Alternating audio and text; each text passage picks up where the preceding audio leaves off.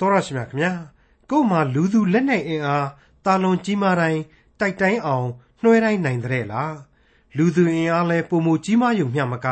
လက်နဲ့အင်အားကလည်းပိုးပြီးတော့တာလွန်ပိုးပြီးတော့ခက်မိတဲ့လက်နဲ့နဲ့တိုက်ခိုက်ပေမဲ့မအောင်မမြင်ဖြစ်ခဲ့ရတဲ့စစ်ပွဲတွေကဘာပေါ်မှာအထင်ရှားရှိနေပါတယ်လူသူအင်အားကလည်းမရှိသလောက်နေပါလက်နဲ့ကလည်းမိချိုးမောင်းပြက်တွေကိုကင်ဆောင်ထားရပေမဲ့လို့ ပိုးပြီးအင်အားကြီးမားသူရဲ့ လာရောက်တိုက်ခိုက်မှုကို အောင်အောင်မြင်မြင် ခုခံတွန်းလှန်ပစ်လိုက်တဲ့တက်တီတာရကတွေလည်း ရှိကြပါတယ်။အဲဒါကြောင့် ကုတ်မှာပါတဲ့လေးကို မကိုးစားပါဘူးလို့ ဆိုထားတဲ့ ခရိယန်တမန်ကျမ်း ဓမ္မဟောင်းကျမ်းပိုင်းတွေက42ခုမြောက်သောဆာလံကျမ်း43ခုမြောက်သောဆာလံကျမ်းနဲ့44ခုမြောက်သောဆာလံကျမ်းတွေကို ဒီကနေ့တင်ပြရသောတမန်ကျမ်းအစီအစဉ်မှာ လေ့လာမှာဖြစ်ပါတယ်။ ခွေးတွေလို ချိုးဖက်နှိပ်စက်မှုကိုခံရပြီးတေခြင်းအရေးဖုံးလွှမ်းနေတဲ့အထိဒုက္ခဆင်းရဲခံစားနေရပေမဲ့လို့ဖယားရှင်ကိုမမေ့တစ္ဆာတော်ကိုမဖျက်တဲ့လူတစ်ယောက်အကြောင်းကိုလည်းတွေ့ရမှာဖြစ်တဲ့42ခုမြောက်သောဆာလံကျမ်း43ခုမြောက်သောဆာလံကျမ်းနဲ့44ခုမြောက်သောဆာလံကျမ်းတို့ကိုဒေါက်တာထွန်းမြတ်အေးကအခုလိုလေ့လာသုံးသပ်တင်ပြထားပါတယ်။တင်ပြရသောသမာကျမ်းရဲ့လေးစားအပ်ပါသောမိတ်ဆွေတော်တတ်ရှင်အပေါင်းတို့ ဒီကနေ့မှာကတော့ဓမ္မရေးပညာသဘောတရားအရာဆာလံတီချင်းတို့ရဲ့ဒုတိယအပိုင်းအခြားကြီးကိုစတင်ဝင်ရောက်လာပါပြီဒီလိုဓမ္မရေးပညာသဘောနဲ့ခွဲခြားထားမှုကိုကျွန်တော်ကထည့်သွင်းပြီးပြောပြနေရတာကတော့နှုတ်ကပတ်တော်ကိုပို့ပြီးတော့ကြဲကြဲပြန့်ပြန့်နဲ့နဲ့ရှိုင်းရှိုင်းသိစီခြင်းတဲ့မူရင်းစာရေးသူရဲ့စေတနာကိုဖြည့်ဆည်းခြင်းတဲ့စိတ်ရဲ့ဒီလိုလေ့လာခြင်းအပြင်လေဘာသာရေးပညာကိုလေ့လာလိုက်စားနေသူများအနေနဲ့လေကြီးမားတဲ့အထောက်အကူကို ရရှိစေဖို့ရည်ဆိုတဲ့စေတနာများနဲ့ပဲဖြစ်ပါတယ်ကျွန်တော်တို့ကပြီးခဲ့တဲ့42ခုမြောက်သောဆာလံတီချင်းအထိဆာလံတီချင်းများရဲ့အပိုင်းဟာကဘာဦးကျမ်းကိုကိုစားပြုပြီးတော့ပြန်လဲဖော်ပြနေသောပထမအပိုင်းဖြစ်တယ်ဆိုပြီးတော့တင်ပြခဲ့ပါတယ်အခု42ခုမြောက်သောဆာလံကနေပြီးတော့82ခုမြောက်သောဆာလံကျမ်းများအထိကြတော့ထွမြောက်ရာကျမ်းတို့ကိုကိုစားပြုတဲ့အပိုင်းဖြစ်တယ်လို့ဒီအပိုင်းကိုသတ်မှတ်ရပါလိမ့်မယ် အဲ့ဒီလိုသတ်မှတ်တဲ့နေရာမှာအဓိကဒီသမိုင်းဟောင်းဟာဘယ်လူမျိုးရဲ့သမိုင်းဟောင်းလဲဆိုရင်တော့ရွေးကောက်တော်မူသောလူမျိုးတော်ရဲ့သမိုင်းဟောင်းဖြစ်တယ်ဒီတော့ဣသရေလလူမျိုးတော်ရဲ့အခုလာမယ့်ဒုတိယအပိုင်းဆာလံအတွင်းကမြင်ကွင်းသရုပ်တွေဟာထွတ်မြောက်ရာကျမ်းရဲ့အခြေခံပုံသဏ္ဍာန်များအတိုင်းပြန်ပြီးတွေ့ရမှာဖြစ်တယ်အဲ့ဒီအခြေခံထွတ်မြောက်ရာကျမ်းပေါ်မှာမူတည်ဖွဲ့ဆိုရာဆာလံပြီးခြင်းများဖြစ်တယ်လို့ကျွန်တော်တို့ကဆိုရမှာဖြစ်ပါတယ်ဣသရေလရွေးကောက်တော်မူသောလူမျိုးတော်တို့ဟာ ထွတ်မြောက်ရာကျမ်းအတိုင်းဆိုရင်အစပိုင်းအရာသူတို့မပိုင်တဲ့အဲဂုတ်ထုနေမည်သို့မဟုတ်အီဂျစ်နိုင်ငံမှာကျွန်ခံနေရတယ်။ဘုရားသခင်ကနေပြီးတော့မင်းတို့ကိုနို့နဲ့ပြားရည်စီးဆင်းတဲ့ခါနန်ဆိုတဲ့တိုင်းပြည်ကိုငါပေးမယ်ဆိုတဲ့အတိုင်းဂရိတော်ထားရှိတဲ့ခါနန်မြေကိုစိတ်ကူးတော့သူတို့ခမရရင်နိုင်ပါရဲ့။ကျွန်ဘဝမှာပဲနစ်မြုပ်နေစေဖြစ်နေတယ်။သူတို့အပေါ်မှာကျွန်ဘဝလောင်းရိပ်နဲ့ကျွန်ပြုတ်သူအဲဂုတ်ထုဘရင်ရဲ့သံဖနောက်အောက်မှာပဲသူတို့ ခါသိတဲ့ကျွန်အရသာကြီးကိုခံနေရသေးပဲလို့ဥစွာမြင်ရမှာဖြစ်ပါတယ်။တနည်းဆိုရရင်တော့ဒုက္ခတွေလှလှကြီးရောက်နေတဲ့ကြားတွေကကျွန်ဣသရေလပဲပေါ့။သူတို့ကညီးတွားမြည်တမ်းကြတယ်။ဘုရားသခင်ကိုအသနာခံကြတယ်။ဒီအခါမှာဘုရားသခင်ကလည်းအာဗြဟံကစပြီးတော့ဣဇက်ယာကုပ်တို့ကိုပါပေးခဲ့တဲ့ဗြိညင်အတိုင်းသူတို့ကိုအဲ့ဒီကျွန်ရိတ်ကနေထွက်မြောက်စေပြီးတဲ့နောက်ဂရိတော်တီရှိတော်မူရာခါနန်ကိုစတင်ထွက်မြောက်စေတယ်။အခုဒုတိယပိုင်းရဲ့အစ ဒီကနေ့စတင်ရမယ့်42ခုမြောက်ဆာလံကနေစပြီးတော့48ခုမြောက်သောဆာလံတွေအထိဒီဆာလံတွေဟာဆိုရင်ထွတ်မြောက်ရာကျမ်းကဖြစ်ရတွေးပေါ်မှာအခြေခံထားမယ်ဒါပေမဲ့အတိတ်မှာပဲအိပ်ပျော်မနေဘဲနဲ့အဲ့ဒီကျွန်လောင်းရိပ်ကအဖြစ်တွေအတိုင်းဘုရားသခင်နဲ့ဝေးရတာခါနန်ဆိုတဲ့ဂရိတော်ထားရအယက်ဒေသနဲ့ဝေးရတာယေရုရှလင်မြို့တော်ကြီးကိုစွန့်ခွာပြီးတော့ကဘာအယက်ရက်သို့ပြန့်နှံ့နေရတဲ့လူမျိုးတော်ရဲ့အဖြစ်ကိုအနာဂတ်ကျမ်းများအဖြစ် ပုံဖော်ပေးသွားမှာဖြစ်ပါတယ်ကျွန်တော်ပြောတာရှင်းပါတယ်နော်အခု42ခုမြောက်သောဆာလံကနေ82ခုမြောက်သောဆာလံအထိဆာလံဟာထွက်မြောက်ရာကျမ်းတွေကိုကိုစားပြုတယ်တခါအဲ့ဒီထဲမှာအခု42ခုမြောက်သောဆာလံကနေ48ခုမြောက်သောဆာလံအထိကြတော့အတိတ်မှာပဲအိပ်ပျော်မနေပဲနဲ့ကျွန်လောင်းရိတ်ကအဖြစ်တွေအတိုင်းအနာဂတ်ကာလလူမျိုးတော်ရဲ့အဖြစ်တစ်နှစ်တွေကိုကြိုတင်ပြီးတော့ဗျာဒိတ်ပြုဖော်ပြသွားပါလိမ့်မယ်။တနည်းအားဖြင့်ဆိုရင် ခရစ်တော်ရဲ့ဒုတိယအကြိမ်ကြွလာတော်မူမယ့်အချိန်အတွင်းမှာဣသရေလတို့ဘာတွေဖြစ်ကြမှာလဲဆိုတာကိုဗျာဒိတ်ပေးမဲ့ကြမ်းတွေပဲဖြစ်တယ်လို့ကျွန်တော်ဆိုချင်ပါတယ်ကပ္ပဦးကျမ်းဆိုင်ရာဆာလံတွေနဲ့အခုထွတ်မြောက်ရာကျမ်းဆာလံတွေရဲ့မှာဟီဘရူးခေါ်ဂျူးဘာသာစကားအဖြစ်ဘုရားသခင်ကိုဂျီဟိုးဗာရဲ့အီလိုဟင်ရဲ့နှမျိုးသုံးဆွဲထားတဲ့အနက်ကပ္ပဦးကျမ်းပိုင်းမှာကဂျီဟိုးဗာထွတ်မြောက်ရာကျမ်းပိုင်းမှာကအီလိုဟင်ဆိုပြီးတော့တိတိသာသာပုံမူသုံးဆွဲထားတာဟာစိတ်ဝင်စားဖို့ကောင်းပါလေ ဂျီဟိုးဗာဆိုတာဟာကယ်တင်ခြင်းကိုပုံမူထင်ရှားစေတယ် အီလိုဟင်ကဘုံတကိုကြီးမားခြင်းကိုပုံမဖော်ပြတယ်ဆိုတာကိုခွဲခြားနားလည်မယ်ဆိုရင်ဒီအပိုင်းကြီးနှစ်ပိုင်းဟာဘယ်လိုခြားနာခြင်းရှိသလဲဆိုတာကိုပို့ပြီးတော့မိษွေတို့စဉ်းစားတွေးခေါ်နိုင်ကြမယ်ဖြစ်ပါလေဒီထွတ်မြောက်ရာကျမ်းနဲ့ဆက်နွယ်တဲ့ဆာလံတီချင်းတွေထဲမှာ16ဘုတ်ကိုဒါဝိဒ်အ ਨੇ ဆုံးရေးသားခဲ့ပါတယ် အဲ့ဒီထက်ကတချို့သောအပုပ်များဟာကောရဤသားများဆိုတဲ့အမှုပညာရှင်ကြီးတွေရေးခဲ့တယ်။ကျမ်းဆာလံတီချင်းတွေကိုတော့တခြားအမှုပညာရှင်တွေရေးခဲ့တဲ့လက္ခဏာတွေရှိနေပါတယ်။ဒီနေရာမှာနည်းနည်းရှင်းပြချင်တာကတော့ယုံကြည်သူတို့အနေနဲ့နှုတ်ကပတ်တော်ရဲ့ဒီအပိုင်းဗျာဒိတ်တော်တွေဟာဣသရေလလူမျိုးတွေကိုအဓိကထားပြီးတော့ဘုရားသခင်ဖော်ပြနေတာဖြစ်တယ်ဆိုတဲ့အချက်ပါပဲ။ဒါကိုယုံကြည်သူတွေကနေပြီးတော့နှုတ်ကပတ်တော်တွေကဆာလံတီချင်းဒီအပိုင်းတွေဟာဂျူးတွေကိုဥတီတဲ့စာပေမှုလို့ တို့တွေနဲ့မဆိုင်ဘူးဆိုပြီးတော့ပယ်လို့လည်းမဖြစ်ပါဘူးဒီရွေးကောက်တော်မူသောလူမျိုးအားဖြင့်သာကဲတင်ချင်းတရားလမ်းစဉ်ဆိုတာကိုဘုရားသခင်ဟာလူသမိုင်းကိုသင်ပေးနေတာပဲမဟုတ်ဘူးလားဒါကြောင့်မို့လို့လေဒီလူမျိုးတော်ရဲ့အခြေအနေဆိုတာကိုယုံကြည်သူခရိယန်တို့ဟာအခါမလတ်လေ့လာသုံးသပ်နေရမှာပဲလို့ကျွန်တော်ဆိုချင်ပါတယ်ဆာလန်ဆရာအပေါင်းတို့ခန်းစားရဗျာဒိတ်တော်တွေတဲကဣသရီလဆိုတာဟာလေလူမျိုးတစ်မျိုးလုံးနဲ့ကြီးဆိုင်တာမဟုတ်ဖ ೇನೆ တစိတ်တပိုင်းသောဣသရေလကိုသာရည်ညွှန်းခြင်းဖြစ်ကြောင်းကိုလေကျွန်တော်တို့မမေ့ကြရပြန်ပါဘူးတက္ကာလကုံဆုံးချိန်မှာရှိနေတဲ့လူမျိုးတော်ဣသရေလအထက်ကမှဘုရားသခင်ကိုယုံကြည်သူဣသရေလတို့အကြောင်းကိုသာလျှင်ဖော်ညွှန်းသွားမယ်လို့ကျွန်တော်ဆိုချင်ပါတယ်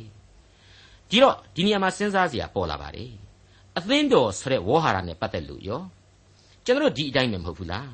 ယေဘူးယအားဖြင့်ဆိုရင်ဒီလိုပဲအပိုင်းခွဲရမယ်ထင်ပါတယ်မိတ်ဆွေတို့ ရုပ်ပြအသင်းတော်လို့ဆိုရက်ကျွန်တော်တို့အခုမြင်နေရတဲ့မျက်စိနဲ့မြင်နေရတဲ့အသင်းတော်တဲ့လူသားမျက်စိနဲ့မမြင်ရတဲ့ invisible အသင်းတော်ဆိုတာဟာရှိနေမှာအမှန်ပဲလို့ကျွန်တော်ကတော့ဒီနေရာမှာကျွန်တော်ရဲ့အယူအဆကိုဖော်ပြခြင်းပါလေလူမျက်စိနဲ့မြင်ရတဲ့အသင်းတော်တိုင်းကိုအမှန်တကယ်ခရစ်တော်၌တလုံးတဝတည်းဖြစ်သောအသင်းတော်လို့ပြောလို့ရနိုင်သလားမရနိုင်ဘူးလားဆိုတာကိုကျွန်တော်မဝေဖန်ဝွန့်ပါဘူး ခရစ်တော်၌တလုံးတဝတည်းတည်နေတဲ့အသင်းတော်ဆိုတာကတော့ယုံကြည်သူဣသရေလအစိတ်အပိုင်းနဲ့ပို့ပြီးတော့နီးစပ်လိမ့်မယ်လို့ကျွန်တော်ပြောချင်ပါတယ်။တနည်းအားဖြင့်အခုကျွန်တော်ဖော်ပြသွားမယ်ဆာလံတီချင်းတွေကဖော်ပြသွားမယ်ဣသရေလယုံကြည်သူအစိတ်အပိုင်းဆိုတာဟာသာလျှင်ခရစ်တော်၌တလုံးတဝဒီတည်နေသောအသင်းတော်နဲ့ဥပမာပြုတ်နိုင်လိမ့်မယ်လို့ကျွန်တော်ပြောချင်ပါတယ်။မိတ်ဆွေအပေါင်းတို့အခုအချိန်မှာ Mischiel of the Sons of Korah လို့ဟေဘရဲလို့ခေါင်းစဉ်ပေးထားတဲ့အတွက် ကောရာဤသားများရေးဖွဲ့သောလင်္ကာအဖြစ်နဲ့42ခုမြောက်သောဆာလံသင်ခန်းစာတို့ကိုယင်ထုမနာအော်ရပါသည်ဆိုတဲ့ခေါင်းစဉ်နဲ့စတင်နားဆင်ကြပါစို့အငယ်1နဲ့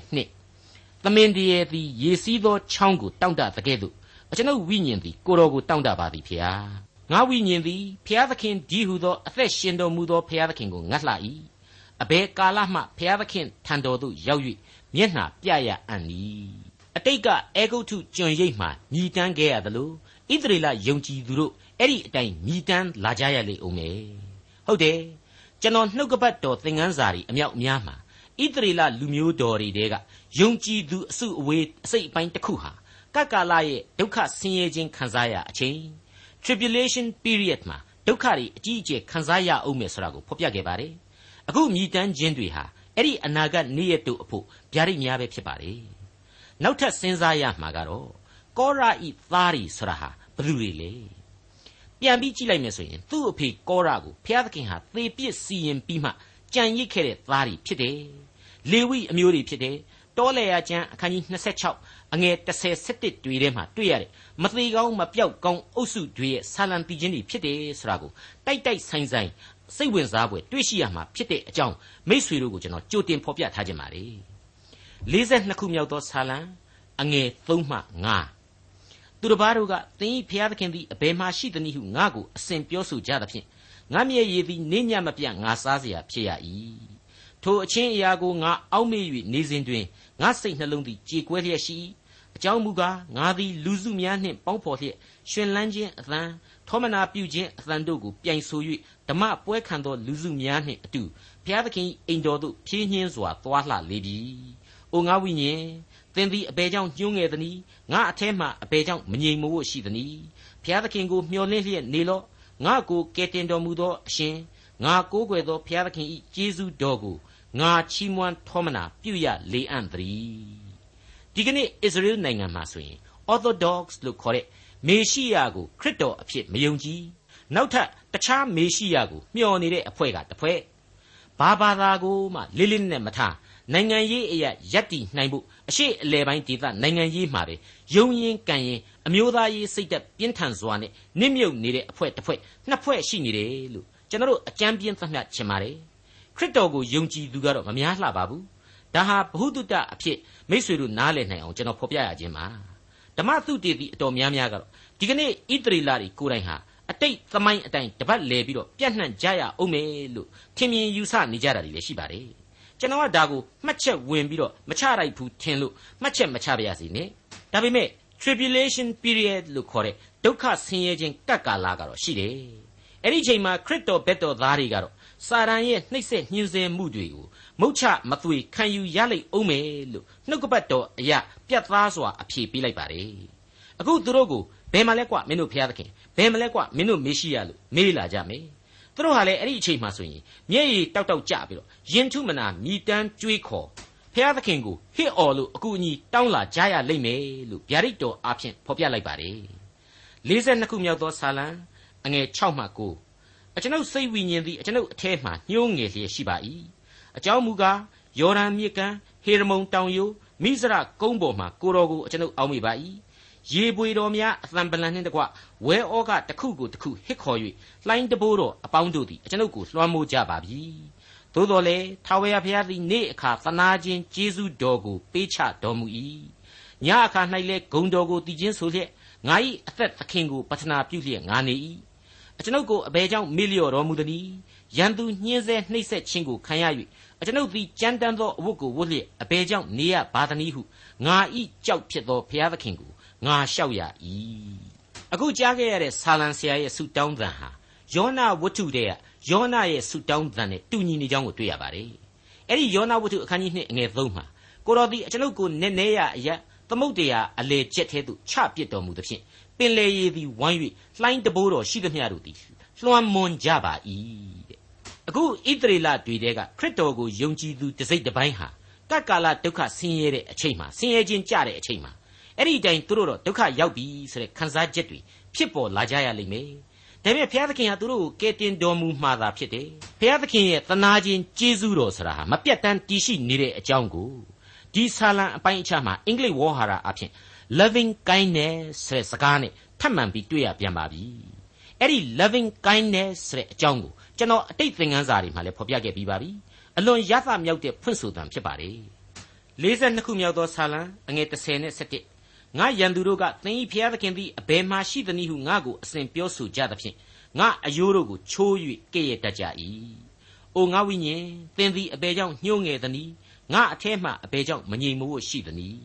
ဖျားသခင်ကိုမျှော်လင့်လျက်နေလော့ငါကိုကယ်တင်တော်မူသောအရှင် ငါကိုးကွယ်သောဘုရားသခင်၏ကျေးဇူးတော်ကိုငါချီးမွမ်းထောမနာပြုရလေအံ့တည်းဣသရေလဟာအေဂုတ်ထုရဲ့ကျွန်ဖြစ်ခဲ့ရသလိုတပားမျိုးသားတို့ရဲ့ကျွန်အဖြစ်လဲဆက်လက်ရှင်သန်ရလိမ့်အောင်မယ်ဆိုတာကိုကျွန်တော်ဟာဆာလံ42အစမှကလေးကဖော်ပြခဲ့ပါတယ်အဲ့ဒီအတိုင်းပဲဖြစ်နေရဘုံကိုတော့ဆက်လက်နားဆင်ကြည့်ပါအခု42ခုမြောက်သောဆာလံရဲ့မပြီးဆုံးသေးတဲ့ဆူတောင်းသံဟာ43ခုမြောက်သောဆာလံပြီးခြင်းအထိဆက်နွယ်သွားပါလိမ့်မယ် 43ခုမြောက်သောဆာလံအငယ်1မှ3အိုဖျားသခင်အကျွန်ုပ်အမှု၌တရားဆုံးဖြတ်တော်မူပါဂယုဏမရှိသောလူမျိုးတစ်ဖက်ကနေ၍အကျွန်ုပ်အမှုကိုစောင့်တော်မူပါသစ္စာမရှိမတရားသောသူ၏လက်မှအကျွန်ုပ်ကိုကယ်လွတ်တော်မူပါကိုတော်သည်အကျွန်ုပ်ခိုလှုံရာဖျားဖြစ်တော်မူ၏အကျွန်ုပ်ကိုအဘယ်ကြောင့်စွန့်ပစ်တော်မူသနည်းရန်သူညှင်းဆဲနှိပ်စက်ခြင်းကိုခံရ၍အကျွန်ုပ်သည်ကြမ်းတမ်းသောအဝတ်ကိုဝတ်လျက်အဘယ်ကြောင့်နေရပါသနည်းအလင်းတော်နှင့်သစ္စာတော်ကိုစေလွှတ်တော်မူပါ သူတို့သည်လမ်းပြ၍တန်ရှင်းသောတောင်တော်သို့၎င်းတဲတော်သို့၎င်းအကျွန်ုပ်ကိုပို့ဆောင်ပါစေသောဂယုဏမရှိတဲ့လူမျိုးတဲ့အဲ့ဒီလိုဆိုထားတယ်မျက်မှောက်ခေကပ္ပသမိုင်းမှာတောင်မှဣသရေလခေါ်ဂျူးတွေဘလောက်လှိမ့်ပိန်ပြီးခံခဲ့ရတဲ့ဆိုတဲ့တက်တီတာရကများမကုံနိုင်အောင်ကျွန်တော်တို့တွေ့နိုင်ပါတယ်အဲ့ဒီဒုက္ခဆင်းရဲခြင်းတွေဟာခရစ်တော်ကြွလာတော်မူကာနီကပ်ကာလအချိန်မှာတော့အဆိုးဆုံးဖြစ်သွားလိမ့်မယ်ဆိုတာနားလည်ရပါတယ်အဲ့ဒီအထက်မှာ သစ္စာမရှိ မတရားသောလူဆိုတာဟာခရစ်တော်ဆန့်ကျင်ရေးသမားအန်တိခရစ်သို့မဟုတ်အန်တီခရစ်ကိုဖော်ပြလိုက်တာပါပဲအဲ့ဒီလိုရန်သူအမျိုးမျိုးရဲ့လက်အောက်ကဣသရေလအဖို့မျော်လင့်ရာအရက်ဟာဖျားသခင်ကိုတော်တိုင်ပဲဖြစ်ပါတယ်တဲ့ရှေးအချိန်ကာလမှာဂျူးဣသရေလတို့အတွက်ဝတ်ပြုခြင်းအတွက်အဓိကနေရာဟာတန့်ရှင်းရာတဲတော်ဖြစ်လို့ဆာလံဆရာဟာဇီးအောင်တောင်တော်လို့ဆိုတဲ့ဘုရားသခင်တောင်တော်နဲ့ဘုရားသခင်တန့်ရှင်းရာတဲတော်ကိုပဲဥခိုက်လိုက်ရခြင်းဖြစ်ပါတယ်။ ရှောက်ထားလိုက်ရခြင်းဖြစ်ပါတယ်။ကျွန်တော်ကတော့ခရစ်တော်ကိုယုံကြည်တဲ့ကျွန်တော်တို့အဖို့ဘုရားသခင်သခင်ခရစ်တော်နဲ့တန့်ရှင်းသောဝိညာဉ်တော်ကိုမိမိတို့ရောက်ရှိနေရအရမှာပဲဝိညာဉ်ရိပ်သာကလေးများအဖြစ်ဆုတောင်းအသနာခံနိုင်ပါတယ်ဆိုတာကိုအလေးနဲ့တင်ပြလိုက်ပါရစေ။53ခုမြောက်သောဆာလံအငယ်၄နဲ့5တို့ပြုလျင်ဖျားသခင်၏ရစ်ပလင်သို့၎င်းအကျွန်ုပ်ဝမ်းမြောက်ရွှင်လန်းရာဖျားသခင်ထံတော်သို့၎င်းအကျွန်ုပ်သည်ရောက်လာ၍ ကိုတော်ကိုစောင်းတီးလျက်ချီးမွမ်းထောမနာပြုပါမည်ဖျားအကျွန်ုပ်ဖျား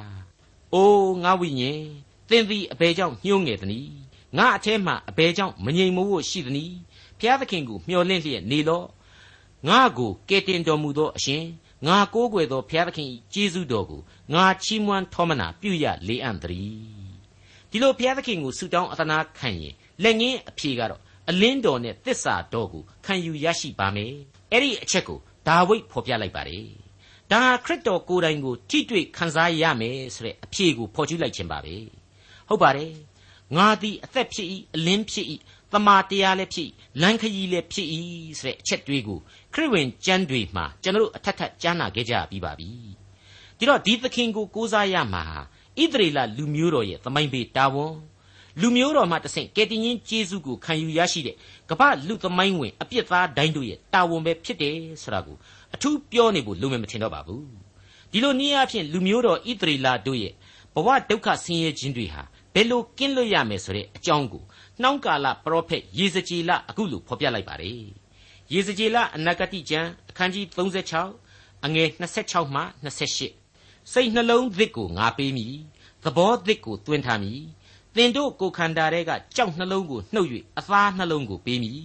ငါဝိညာဉ်ကိုလည်းသင်တို့အထဲသို့တွင်ပေးသဖြင့်သင်တို့သည်ငါ၏တရားလမ်းသို့လိုက်၍ငါစီရင်တော်မူချက်တို့ကိုစောင့်ရှောက်ကြလိမ့်မည်ဘိုးဘေးတို့အားငါပေးသောပြည်၌သင်တို့သည်နေရ၍ငါ၏လူဖြစ်ကြလိမ့်မည်ငါသည်လည်းသင်တို့၏ဖျားသခင်ဖြစ်မည်အလွန်ကောင်းမွန်တဲ့ဒီဂရိတော်အရာလူမျိုးတော်ဣသရေလဟာဒီကျေးဇူးတော်ကိုခရစ်တော်အားဖြင့်မျှော်လင့်နေရပါတယ်ကျွန်တော်ယုံကြည်သူတွေအားလုံးအတွက်ကတော့ ပို့ပြီးတော့ရှင်းလင်းပြတ်သားစွာခံယူရမယ့်ဂရိတော်ရှိပြီးသားပါဘုရားသခင်၏သားတော်ကိုယုံကြည်သောသူအပေါင်းတို့သည်ပျက်စီးခြင်းသို့မရောက်ထာဝရအသက်ကိုရစေခြင်းဟာဘုရားသခင်သည်မိမိ၌တပါးရီသောသားတော်ကိုစွန့်တော်မူသည့်တိုင်အောင်လောကီသားတို့ကိုချစ်တော်မူ၏လို့ရှင်ယောဟန်ခရစ်ဝင်ကျမ်းအခန်းကြီး3အငယ်16မှာဆိုထားတယ်မဟုတ်ဘူးလားဒီတော့ခရစ်တော်ရဲ့အသေးခံတော်မူခြင်းရှင်ပြန်ထမြောက်တော်မူခြင်းနဲ့ယုံကြည်သူတိုင်းအဖို့ထာဝရအသက်ဆုကျေးဇူးဟာ ဘုရားသခင်ရဲ့ချစ်ခြင်းတရားအဖြစ်တည်နေပြီဖြစ်တယ်ဘုရားသခင်ရဲ့ချစ်ခြင်းဟာကျွန်တော်အပြစ်သားတိုင်းအပေါ်မှာကယ်တင်ရှင်ကျေးဇူးကိုပြုနေတယ်ဆိုတာဟာရှင်းနေပါပြီမိတ်ဆွေအပေါင်းတို့အခုအချိန်မှာတော့44ခုမြောက်သောဆာလံတီချင်းကိုကျွန်တော်ဆက်လက်တင်ပြလိုပါတယ်ဒီဆာလံတီချင်းဟာလေကောရာဤသားများကပဲဆက်လက်ဆက်ဆိုတယ်လို့ကျွန်တော်ခံယူပါတယ် Miss Chill Sam လို့ခေါ်ထားတဲ့အတွက်ကြောင့်အသိပေးသောကြံလမ်းညွန်ဆာလံဖြစ်တယ်လို့ကျွန်တော်ဆိုချင်ပါတယ် လူမျိုးတော်ရဲ့ခံစားရဒုက္ခတွေဟာအဆုံးစွန်သောအဆင့်ကိုရောက်နိုင်ပြီလို့ဒီဆာလံတီချင်းအရာကျွန်တော်တို့လေ့လာနိုင်ပါတယ်အခုစတင်နားဆင်ကြည့်ကြပါစို့44ခုမြောက်သောဆာလံအငယ်1မှ8အိုဖျားသခင်ရှေးလွန်လေပြီးသောကာလတွင်ဘိုးဘေးတို့လက်ထက်၌ပြုတော်မူသောအမှုကိုသူတို့ပြော၍အကျွန်ုပ်တို့သည်ကိုယ်တိုင်ကြားရကြပါပြီတပားမျိုးသားတို့၏လက်တော်ဖြင့်နှင်ထုတ်၍အကျွန်ုပ်တို့၏ဘိုးဘေးများကိုနေရာချတော်မူ၏တပားမျိုးသားတို့ကိုနှိပ်စက်၍ ဘိုးဘေးများကိုပြန့်ပွားစေတော်မူ၏သူတို့သည်ကိုဓာဖြင့်ထိုမြေကိုအစိုးရကြသည်မဟုတ်ပါကိုလက်ဖြင့်ကိုကိုကယ်တင်ကြသည်မဟုတ်ပါကိုတော်အလိုရှိသောကြောင့်လက်ရလက်ယုံတော်နှင့်မျက်နှာတော်အလင်းအားဖြင့်သူတို့ကိုကယ်တင်တော်မူ၏အိုဖျားသခင်ကိုတော်သည်အကျွန်ုပ်၏ရှင်ဘရင်ဖြစ်တော်မူ၏ယာကုပ်အမျိုး၏ကယ်တင်ခြင်းအကြောင်းကိုစီရင်တော်မူပါကိုတော်အားဖြင့်အကျွန်ုပ်တို့သည်ရန်သူများကိုတွန့်ချကြပါစေသောရံဘက်ပြုသောသူတို့ကိုနာမတော်အားဖြင့် နင်းရသောအခွင့်ရှိကြပါစေသောကို၌ပါသောလေးကိုအကျွန်ုပ်သည်မကိုးစားကိုဓာသည်အကျွန်ုပ်ကိုမကယ်ရပါကိုတော်သာလျှင်အကျွန်ုပ်တို့ကိုရန်သူလက်မှကယ်လွတ်တော်မူ၏အကျွန်ုပ်တို့အားမုံသောသူများကိုလည်းအရှက်ကွဲစေတော်မူ၏အကျွန်ုပ်တို့သည်မချားမလတ်ဘုရားသခင်၌ဝါကြွား၍နာမတော်ကိုအစဉ်အမြဲချီးမွမ်းကြပါ၏ကျွန်တော်ဟာ33ခုမြောက်သောဆာလံအငယ်16နဲ့18တို့မှာတော့ငါရှင်ဘရင်ဆရာဟာများစွာသောအလုံးအရင်ဖြင့်ချမ်းသာမရ သူရဲသည်လည်းခွန်အားကြီးသောအဖြစ်ကဲလွတ်ခြင်းသို့မရောက်မြင်းတော်လည်းဘေးလွတ်ခြင်းအမှုကိုမတတ်နိုင်ကြီးစွာသောခွန်အားဗလဖြင့်မကယ်မယူနိုင်ဆိုတဲ့ဖော်ပြချက်တွေကိုအသေးစိတ်ဖော်ပြရှင်းလင်းခဲ့ပြီးပါပြီကိုတော်အလိုရှိသောကြောင့်လက်ယုံတော်နှင့်လက်ရလက်ယုံတော်နှင့်မျက်နှာတော်အလင်းအားဖြင့်သာကဲတင်တော်မူခြင်းဖြစ်တယ်ဆိုတာကိုဒီနေရာမှာဒါဝိဒ်ဆာလံတီခြင်းအားဖြင့်ထပ်မံအတည်ပြုလိုက်ပါပြီကကာလကုံဆုံးခြင်းမှာ ယုံကြည်သူတို့ကိုလက်နက်နဲ့ခုခံကာကွယ်ခွင့်တွေပေးလိမ့်မယ်ဆိုတာကိုကြမ်းတမ်းသောတိုက်ပွဲများအသွင်နဲ့ကာကွယ်ခွင့်ရှိလိမ့်မယ်ဆိုတာကိုကျွန်တော်နားလည်ထားပါတယ်ဒါပေမဲ့အမှန်အောင်ပွဲဟာဘုရားသခင်ရဲ့တကိုးတော်ကြောင့်သာဖြစ်ရမယ်ဆိုတာကိုဘယ်လို့မှမေ့ထားလို့မရနိုင်ပါဘူးဒီအချက်ကိုဣသရေလလူမျိုးတော်ဟာအတိတ်သမိုင်းကြောင်းအရာသိရှိခဲ့ရပြီဖြစ်တယ်လို့ကကာလကုံဆုံးခြင်းမှာဒုက္ခနွန်တွင်းကနေအဲ့ဒီလိုသူ့ရဲ့ကယ်တင်ခြင်းကျေးဇူးတော်ကြောင့်သာလျှင် လွတ်မြောက်ခွင့်ရကြပြန်ခြင်းဖြစ်အောင်မယ်ဆိုတာကိုဒီဆာလံတီခြင်းအဖြစ်မျော်လင့်စောင့်စားလို့နေကြရပါလိမ့်မယ်ကျွန်တော်ယုံကြည်သူတွေအဖို့ကြတော့ကောသခင်ခရစ်တော်ဤတန်ရှင်းသောဝိညာဉ်တော်မှာအသစ်မွေးဖွားခြင်းကိုခံယူခြင်းကစပြီးတော့အပြည့်နွန်ကလွတ်မြောက်ခွင့်ရရှိခဲ့ပြီဖြစ်တယ်။ထာဝရအသက်လမ်းကိုဥတည်လျှောက်လှမ်းနေရပြီဖြစ်တယ်။ကိုယ့်ရဲ့ယုံကြည်ခြင်းခွန်အားနဲ့ခရစ်တော်ကိုအားကိုးခိုလှုံခြင်းစွမ်းအားပမာဏပေါ်မှာမူတည်ပြီးတော့လက်ယုံတော်နဲ့ဆယ်မခြင်း မျက်နာတော်အလင်းထွန်းတောက်ခြင်းကိုအစဉ်မြင်တွေ့နေရမှာသာဖြစ်တယ်လို့တင်ပြလိုက်ပါရစေ။အငယ်6ကနေ16အတွင်းမှာဣသရေလလူမျိုးတော်ရဲ့ဒုက္ခမြင်ကွင်းအချို့ကိုဆက်လက်ဖော်ပြထားပါတယ်။ကျွန်တော်တို့ဒါကိုကြော်ပြီးတဲ့နောက်44ခုမြောက်သောဆာလံအငယ်16ကနေ22အထိဆက်လက်ဖတ်ရှုသွားကြပါစို့။ထိုမျှလောက်ခံရတော်လေအကျွန်ုပ်တို့သည်ကိုတော်ကိုမမေ့မလျော့သစ္စာတော်ကိုမဖျက်ကြပါစိတ်နှလုံးသည်နောက်သို့မဆုတ်တရားတော်လမ်းမှလွှဲ၍မသွားကြပါ ကိုတော်မူကားမြေခွေးနေရာအရတ်မှအကျွန်ုပ်ကိုချိုးဖဲ့နှိပ်စက်၍သေခြင်းအရေးနှင့်ဖုံးလွှမ်းတော်မူ၏အကျွန်ုပ်တို့သည်ကိုဖျားသခင်၏နာမတော်ကိုမေ့လျော့၍တပါးမျိုးသား၏ဖျားထံသို့လက်ကိုဆန့်သည်မှန်လျင်နှလုံး၌ပွက်ထားသောအရာများကိုဖျားသခင်သိတော်မူသည်ဖြစ်၍ထိုအမှုကိုမစစ်ဖဲနေတော်မူမည်လောအကယ်စင်စစ်ကိုတော်အတွက်ကျွန်ုပ်တို့သည်အစင်မပြတ်အသေးသက်ခြင်းကိုခံရကြပါ၏သတ်ဖို့ရာထားသောသိုးကဲ့သို့ကျွန်ုပ်တို့ကိုသူတစ်ပါးမှတ်တတ်ကြပါ၏ ယုံကြည်သူတို့ရဲ့အသင်းတော်ဟာဒီဗျာဒိတ်တော်နဲ့မဆိုင်ပါဘူးအသင်းတော်ဟာဓမ္မသစ်ကာလအသင်းတော်သမိုင်းအစနှစ်ပေါင်းများစွာမှာဒီလိုဒုက္ခဆင်းရဲခြင်းတွေကိုခံစားခဲ့ရပူပါပြီဒီကနေ့ဒီအချိန်မှာဒီလိုဒုက္ခဝေဒနာတွေညှင်းဆဲခြင်းတွေကိုခံနေရသေးတယ်လို့တရသေးဆွဲယူလို့မရနိုင်ပါဘူးဒီဗျာဒိတ်တော်ဟာဣသရေလအစိတ်အပိုင်းနဲ့ဆိုင်ပါတယ်ကပ်ကာလအတွင်းယုံကြည်ခြင်းပြောင်းလဲသူတပါးအမျိုးသားတို့အချို့နဲ့ဆိုင်တယ်လို့ကျွန်တော်ခံယူပါတယ်မိတ်ဆွေတော်တတ်ရှင်အပေါင်းတို့ခင်ဗျာ 44ခုမြောက်သောဆာလံအငယ်22မှ26အဆုံးအထိကိုလေ့လာကြည့်ကြပါအောင်စို့။အိုးဖျားရှင်နိုးတော်မူပါ။အဘယ်ကြောင့်ကျိမ့်ဆက်တော်မူသနည်းထတော်မူပါ။အကျွန်ုပ်တို့ကိုအစဉ်စွန့်ပစ်တော်မမူပါနှင့်။အကျွန်ုပ်တို့ခံရသောနှိမ့်ချခြင်းနှင့်ညှင်းဆဲခြင်းကိုမျက်နာတော်လွှဲ၍အဘယ်ကြောင့်မေ့လျော့တော်မူသနည်း။အကျွန်ုပ်တို့၏စိတ်ဝိညာဉ်သည်မြေတိုင်အောင်နှိမ့်ချခြင်းကိုခံရ၍ရင်ပတ်လဲမြေ၌ကပ်လျက်ရှိပါ၏။အကျွန်ုပ်တို့ကိုမဆတော်ဖျားထတော်မူပါ။ ဂယုနာတော်နှင့်အညီရွေးနှုတ်တော်မူပါအကယ်စင်စစ်ဣသရေလအမျိုးကိုစောင့်တော်သူသည်ငိုင်မြဲအိပ်ပျော်ခြင်းရှိတော်မမူဆရာကို120ခုမြောက်သောဆာလံမှာထပ်မံတွေ့ရအောင်မှာဖြစ်ပါတယ်ဒီတော့ဘုရားသခင်ကိုနိုးတော်မူပါလို့ကျွန်တော်တောင်းစုပြုစရာအကြောင်းမရှိပါဘူးအခုတော့တောင်းစုပြုစရာအကြောင်းရှိနေလို့တောင်းစုပြုရပါတယ်ဟုတ်ပါတယ်ဒီအချိန်ဟာဘုရားသခင်ကိုတော်တိုင်သတ်မှတ်စီရင်တော်မူသောအချိန်ဖြစ်တယ်အလွန်အလွန်ကြောက်စရာကောင်းလှတဲ့ ဒုက္ခဆင်းရဲခြင်းများခံစားရာကပ်ကာလခေါ် tribulation period အကြောင်းဖြစ်ပါတယ်ခင်ဗျာဒေါက်တာထွန်းမြတ်ရေးစီစဉ်တင်ဆက်တဲ့တင်ပြတော်တမချန်းအစီအစဉ်ဖြစ်ပါတယ်နောက်တစ်ချိန်အစီအစဉ်မှာခရိယန်တမချန်းဓမ္မဟောင်းကျမ်းပိုင်းမှာပါရှိတဲ့45ခုမြောက်သောဆာလံကျမ်းနဲ့46ခုမြောက်သောဆာလံကျမ်းတို့ကိုလေ့လာမှဖြစ်တဲ့အတွက်စောင့်မျှော်နားဆင်နိုင်ပါတယ်။